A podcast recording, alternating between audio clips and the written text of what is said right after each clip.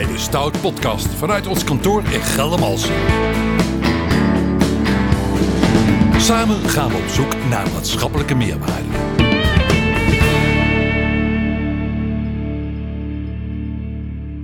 Welkom eh, in de studio Geldermalsen bij weer een podcast van de Stoutgroep. Het thema van deze podcast is belevingsgestuurd beheer van de openbare ruimte. Ralf, Ja. Jij, jij kijkt mij ook en ik ga dat even toelichten.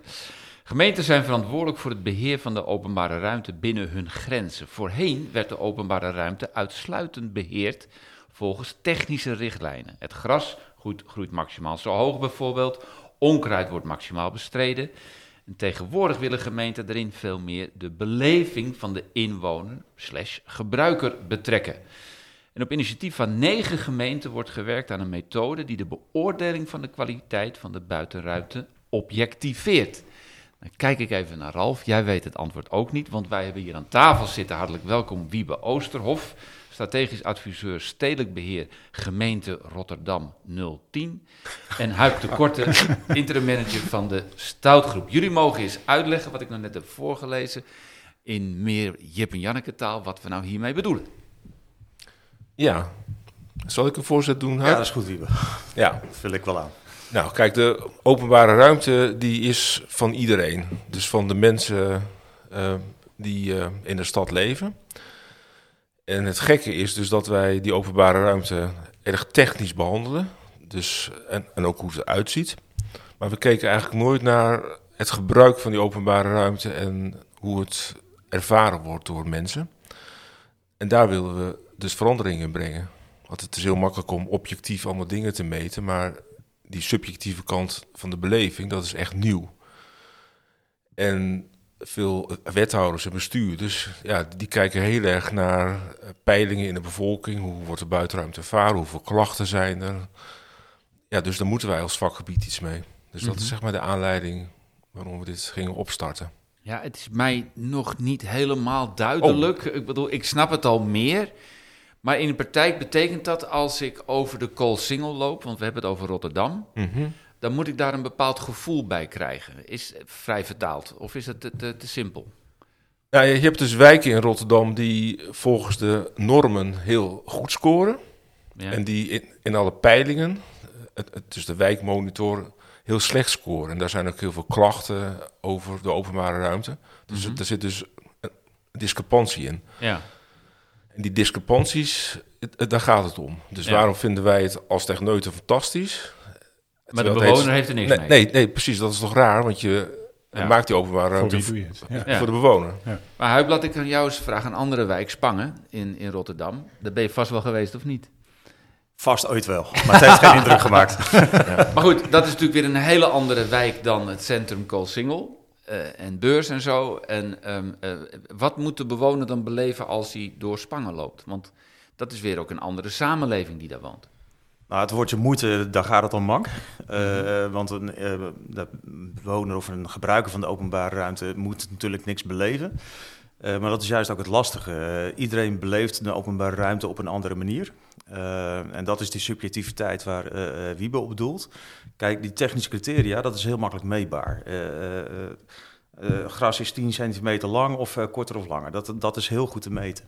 Maar hoe beleeft een inwoner of een gebruiker van de openbare ruimte nou die openbare ruimte? Ehm, wat is dan relevant? Wat, eh, eh, wat maakt beleving nou beleving? Eh, want daar zijn we ooit mee begonnen, hè, om die vraag te stellen van... Ja, als we het hebben over beleving, waar hebben we het er eigenlijk over? Wat komt er dan allemaal bij kijken? Ehm, en om het wiel niet zelf uit te vinden, hebben we daarom ook ja, wetenschappelijk inzichten daarbij betrokken. Om daar al wat richtlijnen voor te geven. Van wat, waar hebben we het eigenlijk over? Het, het roept bij mij twee vragen op. Hè. Die, die, die hele technische criteria, eh, die, zijn, die zijn toch ook niet uit een boek gehaald? Die komen toch ook ergens, eh, ergens vandaan? En is daar dan in het verleden nooit rekening gehouden met eh, de beleving of wat een inwoner ergens wat van vond? Ehm, en, eh, en de andere vraag is inderdaad, wat, wat maakt beleving nou beleving? Dat roept ook heel veel vragen bij mij op. Als jullie daarna gekeken hebben, neem ons daar dan eens even in, in mee wat daar uit, eh, uit voortgekomen is. Maar misschien maar e- even met die eerste vraag eh, beginnen. Ja, die vakwereld van de beheer is eigenlijk heel conservatief en ook heel technisch. En in principe ook heel autistisch, of was heel autistisch. Heerlijk. Ja, dus gericht op, eh, op technische normen, meetbaarheid. Het is ook echt een, eh nou, een ruitjesbloeswereld, zeg maar. Dat is heel anders dan de ontwerpwereld. Of... Maar, maar kun je dat iets meer in- met praktijkvoorbeelden, waarom het dan autistisch is, waarom het eh eh, ruitjesbroekwereld is? Kun, kun, je dat, kun, je dat, kun je dat tastbaar maken voor mij? Ja, je had, eh, nou, zeker in de nauwste periode had je de ontwikkelingskant van Ja. Nederland. Nou, dat was allemaal fantastisch. En vervolgens waren er, de beheerders die het bedachte schoon, heel en veilig moesten houden.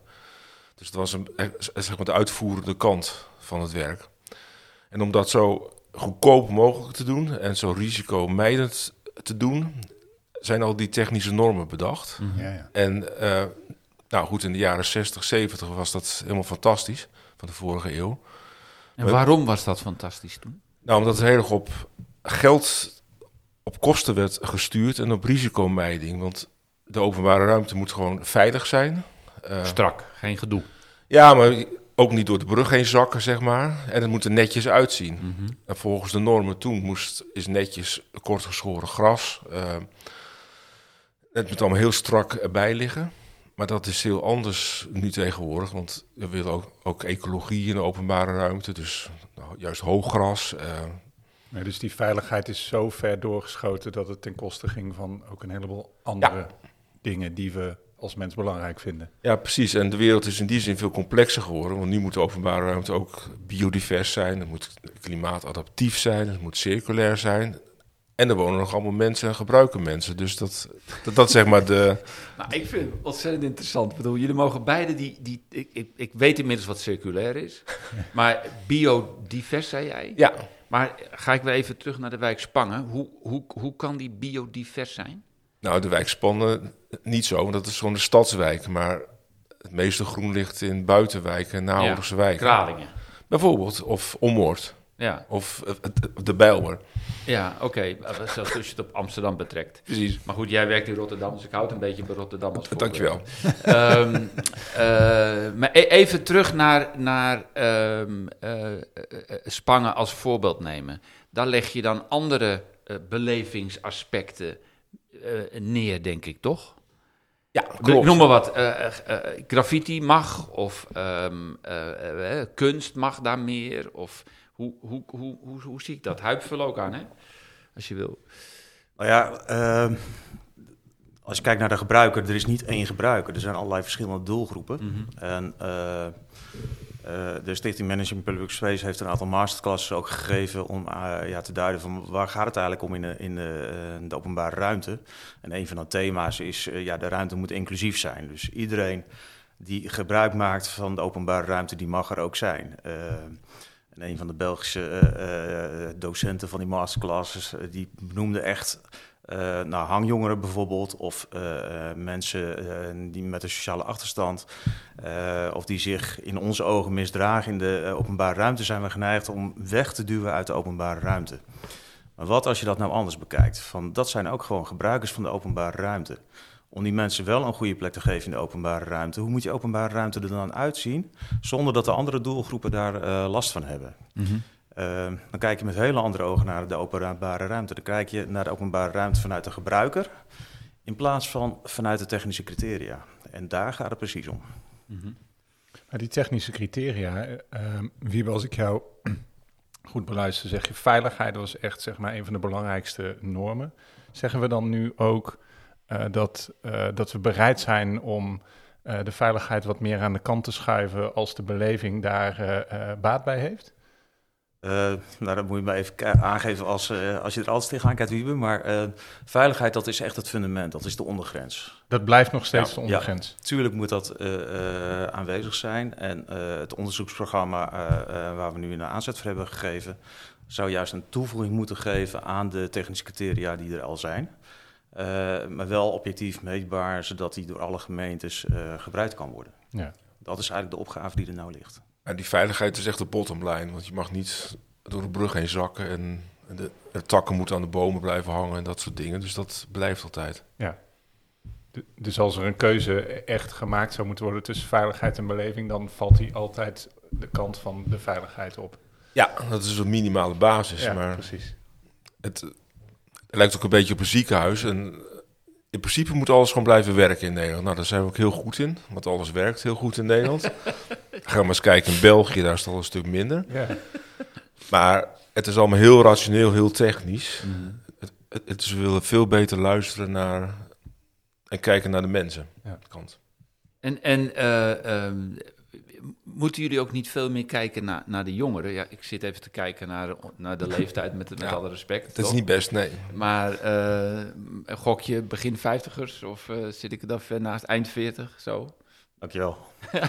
Is het positief of niet? Ja, ja, positief. Oké, goed. maar jullie begrijpen mijn vraag. Beleving, eh, ehm, eh, moet je niet een paar twintigers ook om je heen hebben die je voedt met informatie en, en die je voedt met beleving, wat daar speelt? Absoluut. Dat is juist heel belangrijk. Mhm. En dat gebeurt nog veel te weinig ook. En dat is ook een van de redenen dat we echt diep de haarvaten van de wijken in willen. Ehm, dus we willen in een aantal steden vergelijkbare buurten eh, vergelijken.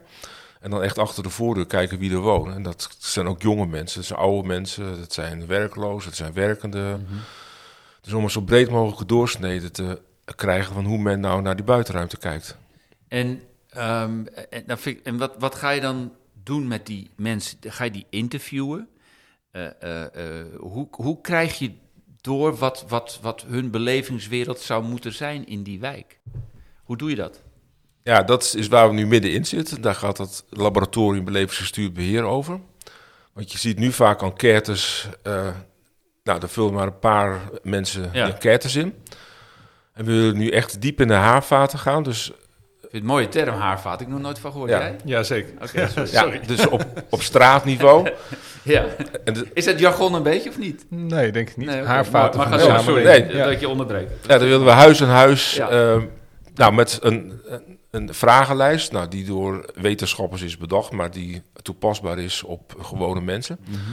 ja, letterlijk gaan interviewen van... Ja, wat vind je van eh, je omgeving? Wat vind je van het groen eh, en het beheer? En, en dan hopen we dus een, nou, een veel duidelijker beeld te krijgen... hoe mensen er nu echt over denken. Maar dan is natuurlijk, ik bedoel, ik kan me zo voorstellen dat stel je had dit onderzoek in coronatijd gedaan, dat er hele andere antwoorden komen dan in post-coronatijdperk waarin we nu zitten, toch of niet? Ik zie jou al ja knikken, Huip. Nou ja, dat is wel mooi dat je erover begint. Want in de coronatijd is de openbare ruimte veel belangrijker geworden. Er zijn veel meer mensen naar buiten gegaan. Is het een soort verlengde huiskamer geworden. Ja. Ehm, en dat heeft ook wel een boost gegeven om eh, anders te kijken naar de openbare ruimte. Eh, toen zijn er echt wensen naar boven gekomen en behoeftes vanuit gebruikers. Eh, en je zag ook dat de bewoners of de gebruiker van de openbare ruimte ook creatief werd om die openbare ruimte zich toe te eigenen door allerlei functies toe te voegen. Eh, waar de gemeente eigenlijk eh, geen deel in had.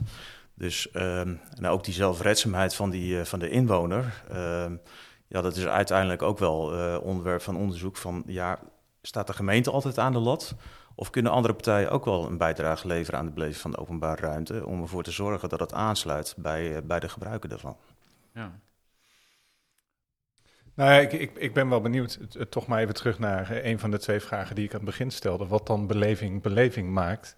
Eh, dat was, je gaf aan dat dat de eerste vraag is waar jullie mee aan de slag zijn gegaan. Kun je, kun- je ons eens meenemen in wat, wat inzichten die dan daaruit eh, voortgekomen zijn in, in, in, jullie project? Nou, dat is ook onderdeel van het onderzoek, hè, wat we nu Ja. eh, gaan starten door eh, eh, te informeren bij de gebruiker zelf van nou, wat, hoe zij naar de openbare ruimte kijken in gebruik, in beleving, maar ook in herinnering.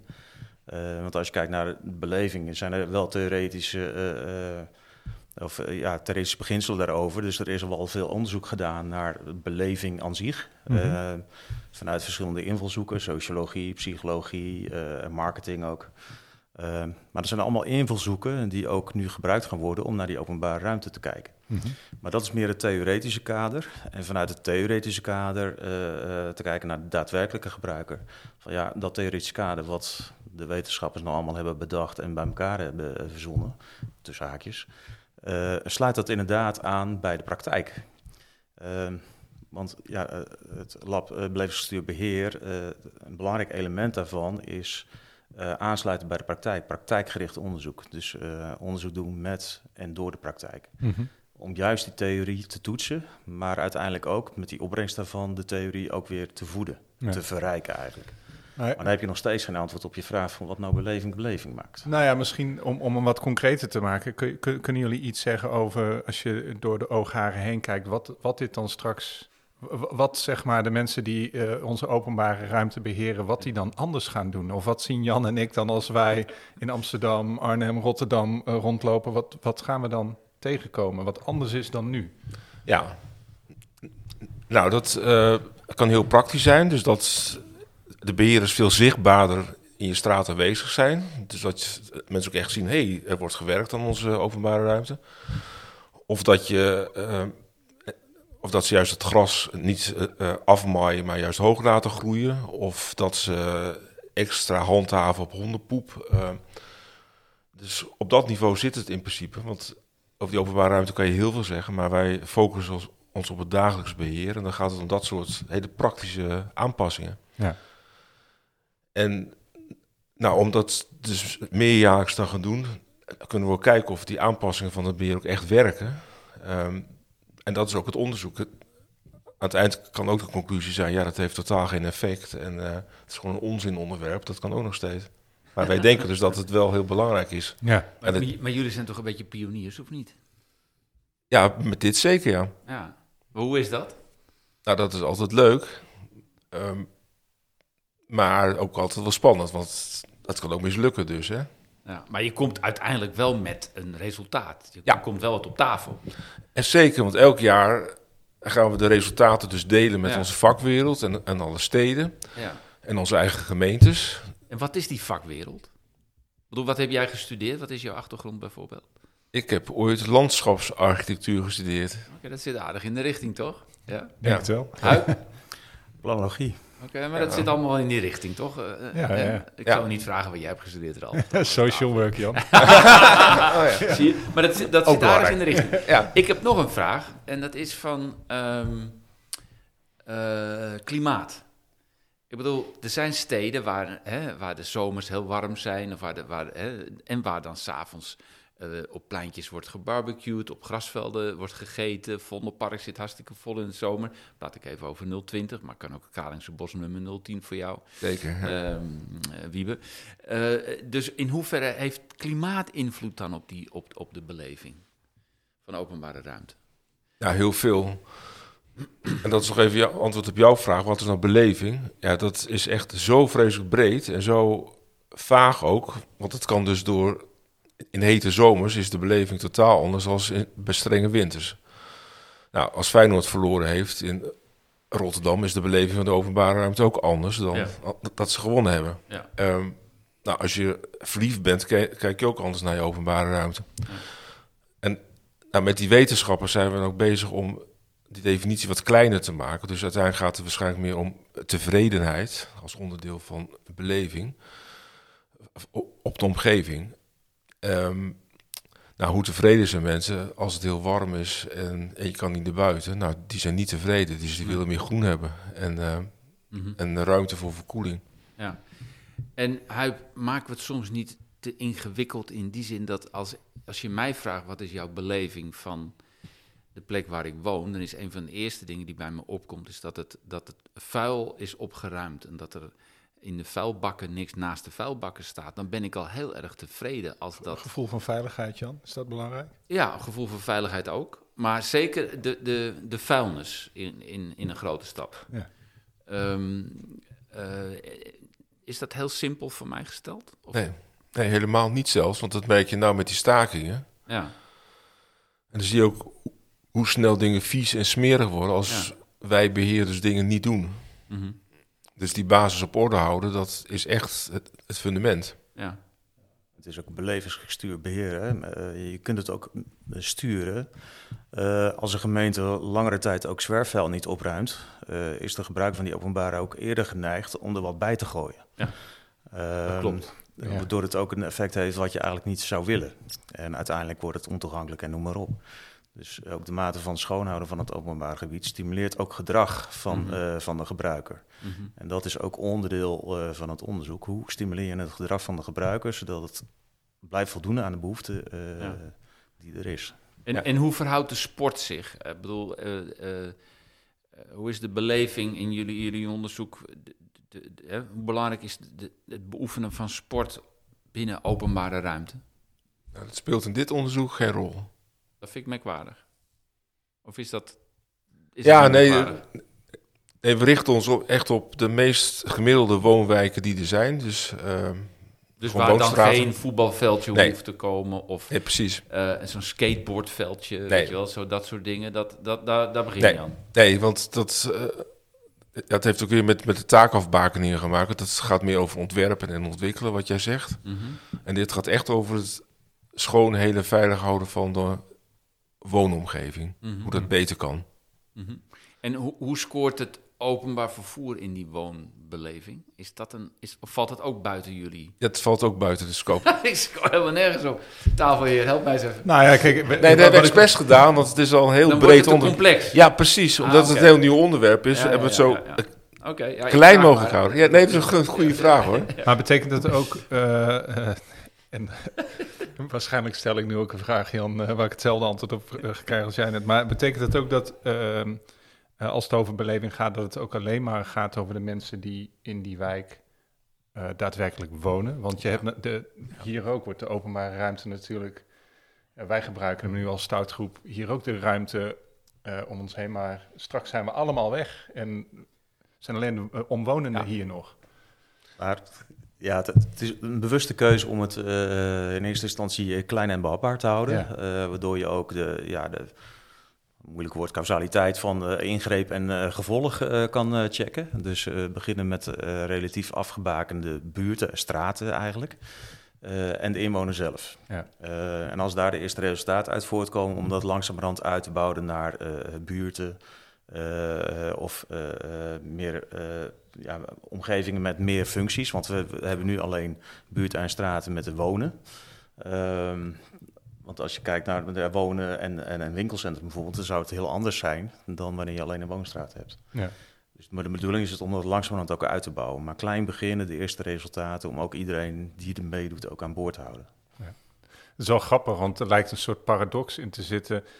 ehm, dat eh, jullie willen het aan de ene kant heel, eh, heel klein houden. Tegelijkertijd hoor ik ook wel dat, dat het dus in de wereld van, de op, eh, van het eh, eh, beheer van de openbare ruimte ehm, best wel een stap is die jullie hier aan het nemen zijn. Omdat men dit nog helemaal niet, niet gewend is. Ja. Klopt dat, Wiebe? Ik zie Ja, het is een heel nieuw stapje in de, in de goede richting. En dat vraagt om zorgvuldigheid en om ja, toch methodisch het heel strak af te bakenen. Ja. Maar parallel gaan we ook een wetenschappelijk spoor opzetten. Dat, noemen we dan het theoretische kader. Nou, daar komen al die ingewikkelde definities van beleving en al invloeden naar, naar voren. Ook dat is een heel nieuw onderwerp in wetenschappelijk Nederland.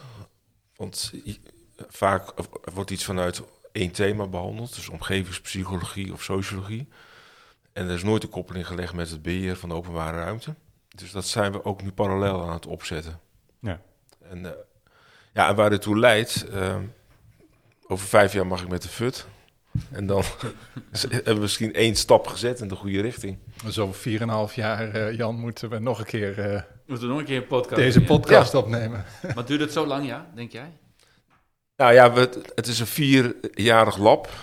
En dat gebeurt ook niet zo vaak. Dus dat we vier jaar in elke buurt weer terugkomen en weer beheer aanpassen en dan weer kijken. En met die wetenschappers die meekijken. eh, ja, eh, en dat is best wel nieuw. Het is echt een laboratorium. Ja, maar dat vind ik ook de- het leuke aan. Zijn er nog andere eh, wetenschappers of, of takken van wetenschap die zeggen van nou, wat jullie aan het doen zijn is best wel interessant. Eh, daar willen we ook wel data van of zo? Nou ja, we zijn nu eh, gestart met omgevingspsychologie in Groningen en de Wageningen Universiteit. Ja. Maar bij die masterclasses waren dus ook eh nou, marketing experts. Want het gaat ook heel erg over ja, hoe verkoop je je vak Ja. naar buiten toe? Hoe zichtbaar ben je? Het gaat ook heel erg over de sociologie. Dus hoe is de samenstelling naar Euselstraat? eh, en de antropologie. Want ik denk zelf dat het nogal wat uitmaakt of je in de wijk als Spangen iets doet met veel buitenlanders. Of Ja. in een, nou zeg maar, blanke wijk. Ja. Of een studentenwijk of ouderen. Ja, dat heeft allemaal invloed. En er wordt enorm meegekeken dus. Huip, wat is het leukste aan jouw vak nu? Goh, dat is een hele open vraag. In relatie tot dit onderwerp bedoel Ja, je? natuurlijk. Ja. Eh, nou, het leukste van, eh, eh, van dit traject is dat je eh, heel veel mensen die op een hele andere manier naar de ruimte kijken en een hele andere bagage meenemen, dat je die bij elkaar hebt gezet en dat je die één richting op hebt laten kijken. En dat we de komende vier jaar met deze hele groep eh, eh, dit onderzoeksprogramma gaan doen. Mhm. Daar krijg ik wel een kick van. Dat vind ik wel heel gaaf dat we dat voor elkaar hebben gekregen. En dat ging niet zonder slag of stoot. Er ging heel veel discussie aan vooraf. Maar wat Wiebe ook zegt, wat enorm heeft geholpen, is die afbakening. Van houdbaar, behoud klein. En, eh, maar geef wel een perspectief van dat het inderdaad ook wat breder kan worden. En eh, nou, we hebben ook gekeken van ja, praktijkgericht onderzoek, ja, dat, dat kost eh, handjes. Dus ook, eh, we hebben hogescholen benaderd. Die dan de interviews doen, bedoel je? Nou, die bijvoorbeeld de interviews doen of eh, veldonderzoek of wat dan ook. En elke hogeschool die we hebben benaderd was ontzettend enthousiast over het onderwerp. Nog sterker, ze waren al met andere woorden ook al bezig met het onderwerp. Mhm. Zonder dat we dat van elkaar wisten. Dus heel Nederland is eigenlijk bezig of gefocust op dit onderwerp zonder dat ze daar al woorden aan hebben gegeven. En doordat wij hier nu mee bezig zijn geweest en, ehm, ja, en hier herkenbaarheid hebben gegeven, eh, komt dat pas op tafel.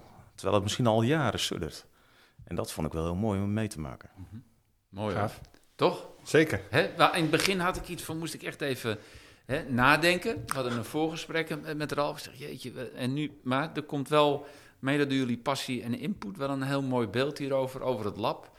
En dat jullie over vier jaar maar weer aan tafel mogen schuiven. Lijkt me een goed eh, En resultaten. Dank u wel Ja. voor jullie komst. Graag gedaan. Dankjewel. Dit was de Stout Podcast vanuit Geldermalsen. Tot de volgende keer.